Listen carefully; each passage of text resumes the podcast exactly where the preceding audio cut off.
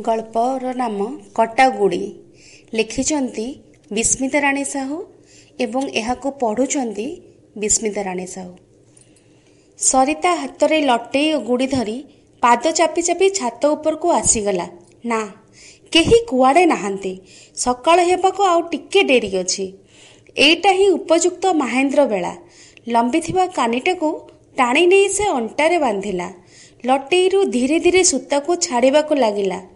ଗୁଡ଼ିଟି ପବନର ଗତି ସାଙ୍ଗେ ତାଳ ଦେଇ ସର୍ ସର୍ କରି ଆକାଶରେ ଉଡ଼ିଗଲା ଆଉ ସାଥିରେ ନେଇଗଲା ସରିତାର ମନକୁ ତା ଇଚ୍ଛାକୁ ତା ସ୍ୱପ୍ନକୁ। ସରିତା ନିଜେ ଗୁଡ଼ିଟିଏ ହୋଇ ଆକାଶରେ ଉଡ଼ିବାକୁ ଲାଗିଲା। ଆହା ଆହା ଆକାଶରେ ଉଡ଼ିବାରେ କି ମଜା? ଧଳା ଧଳା ବାଦଲ ଥଣ୍ଡା ଥଣ୍ଡା ପବନ ତା ମନକୁ ଖୁସିରେ ଜାବୁଡ଼ି ଧରୁଥିଲେ। ଏତେ ବଡ଼ ପୃଥିବୀଟି ଆକାଶ ଉପରୁ ଆଜି ଛୋଟିଆ ପେଣ୍ଡୁଟିଏ ପରି ଲାଗୁଥିଲା ଯାହାକୁ ସେ ନିଜ ଇଚ୍ଛା ମୁତାବକ ଗଡ଼େଇ ପାରିବ। ସେ ଆହୁରି ଜୋରରେ ଉପରକୁ ଉପରକୁ ଉଡ଼ିବାକୁ ଲାଗିଲା। ତା ସହିତ ବାଜି ଲଗାଇବା ପାଇଁ ଆକାଶରେ ଗୋଟିଏ ବି ଅଲଗା ଗୁଡ଼ି ନଥିଲା। ଏତେ ବିଶାଳ ଆକାଶଟି କେବଳ ତାର ଥିଲା। ତା ଆଧିପତ୍ୟ ବିସ୍ତାର କରିବା ପାଇଁ ସେ ଉପରକୁ ତଳକୁ ଏ ପାଖରୁ ସେ ପାଖକୁ ତା ଇଚ୍ଛା ଅନୁଯାୟୀ ମାଡ଼ି ଚାଲିଥିଲା। ସତରେ ସବୁଦିନ ପାଇଁ ସେ ଗୁଡ଼ିଟିଏ ହେଇଯାଆନ୍ତାନି?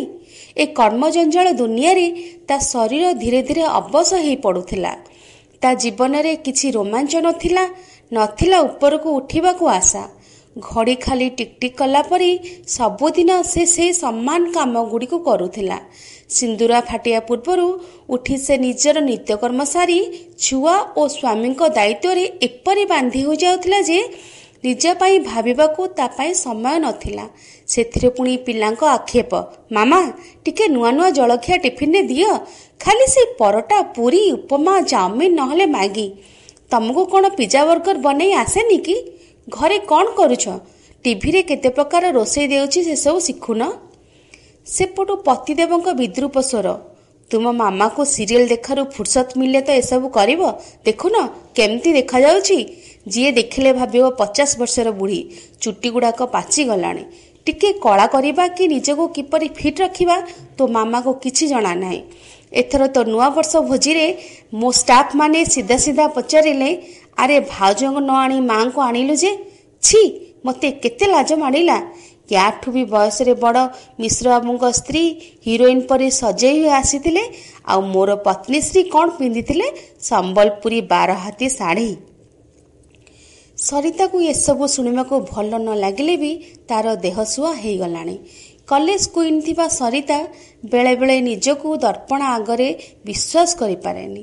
ଆଖି ତଳେ ବହଳିଆ କଳା ଦାଗ ମୁଣ୍ଡରେ କଳା ଧଳା ମିଶ୍ରିତ କେଶ ଠିକ୍ କଥା ତ ସେ ଦେଖାଯାଉଛି ପଚାଶ ବର୍ଷର ବୁଢ଼ୀ ପରି। କିନ୍ତୁ କିନ୍ତୁ କାହା ପାଇଁ ତାର ପରିବର୍ତ୍ତନ? ନିଜକୁ ତିଳ ତିଳ କରି ଜାଳୁଥିବା ମହମ୍ବତୀକୁ ଯଦି ପଚରାଯାଏ ତୁ ସରି ସରି କାହିଁକି ଯାଉଛୁ? ସେମିତି ସମାନ ଆକାରରେ ରହୁନୁ। ଯେମିତି ଇଲେକ୍ଟ୍ରିକ୍ ବଲ୍ବ ରହୁଛି ତେବେ ସେ କି ଉତ୍ତର ଦେବ? ଦୁହେଁ ଆଲୋକ ଦେଉଛନ୍ତି ସତ କିନ୍ତୁ ଦୁହିଁଙ୍କର ଭୂମିକାରେ କୌଣସି ସମାନତା ନାହିଁ। ଜଣେ ଆଲୋକ ଦେବ ବୋଲି ନିଜକୁ ଜଳଉଛି ଆଉ ଜଣେ ଅନ୍ୟର ସହାୟତାରେ ଆଲୋକ ଦେଉଛି। ପ୍ରତିଟି କଥାରେ ମିଶ୍ରବାବୁଙ୍କ ସ୍ତ୍ରୀଙ୍କ ଉଦାହରଣ ଦେଉଥିବା ତାର ସ୍ୱାମୀ କେବେ ବୁଝିବାକୁ ଚେଷ୍ଟା କରିଛନ୍ତି? ସରିତାର ଓ ମିଶ୍ରବାବୁଙ୍କ ସ୍ତ୍ରୀଙ୍କ ଜୀବନଶୈଳୀରେ ଥିବା ଆକାଶ ପାତାଳ ଫରକ? ସେ ମହିଳାଙ୍କ ଦିନଚର୍ଯ୍ୟା ଆରମ୍ଭ ହୁଏ ପାର୍ଲରରେ ଓ ଶେଷ ହୁଏ ଜିମ୍ରେ। ଘରର ଯାବତୀୟ କାମ ପାଇଁ ଚାରି ଚାରିଟା ଚାକର ଖଞ୍ଜା ହେଇଛି। ମିଶ୍ରବାବୁଙ୍କ ସ୍ତ୍ରୀଙ୍କ କାମ ହେଲା ନିଜକୁ ସଜେଇବା।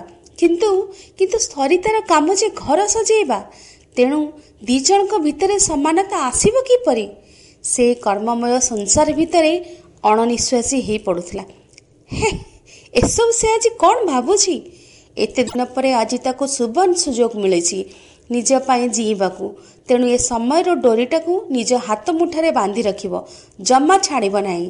ସରିତା ତା ହାତ ମୁଠାକୁ ଆହୁରି ଟାଣ କରିଥିଲା। ଗୁଡ଼ିଟି ଆକାଶରେ ସେମିତି ଡେଣା ମେଲେଇ ଉଡ଼ି ଚାଲିଥିଲା। ତା ସହିତ ସରିତା ବି। ମାମା ଏ କ'ଣ ହେଉଛି? ତୁମକୁ କିଏ କହୁଥିଲା ମୋ ଗୁଡ଼ି ଛୁଇଁବାକୁ? ମୋତେ ନ ପଚାରି ମୋ ଗୁଡ଼ି ତୁମେ ଉଡ଼ଉଛ କିପରି? ଝିଅର ଏ ପ୍ରଶ୍ନ ବାଣରେ ଉଚ୍ଚ ଆକାଶରେ ବାଦଲ ମେଳରେ ଉଡ଼ୁଥିବା ତା ମନ ତଳେ ଦୁଲ ହୋଇ କଚାଡ଼ି ପଡ଼ିଥିଲା।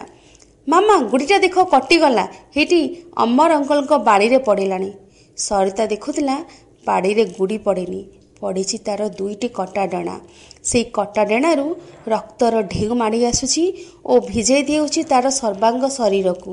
ଓଃ କି କଷ୍ଟ! ଭୟରେ ତାର ଆଖି ଦିଓଟି ବୁଜି ହେଇଗଲା। ଧନ୍ୟବାଦ।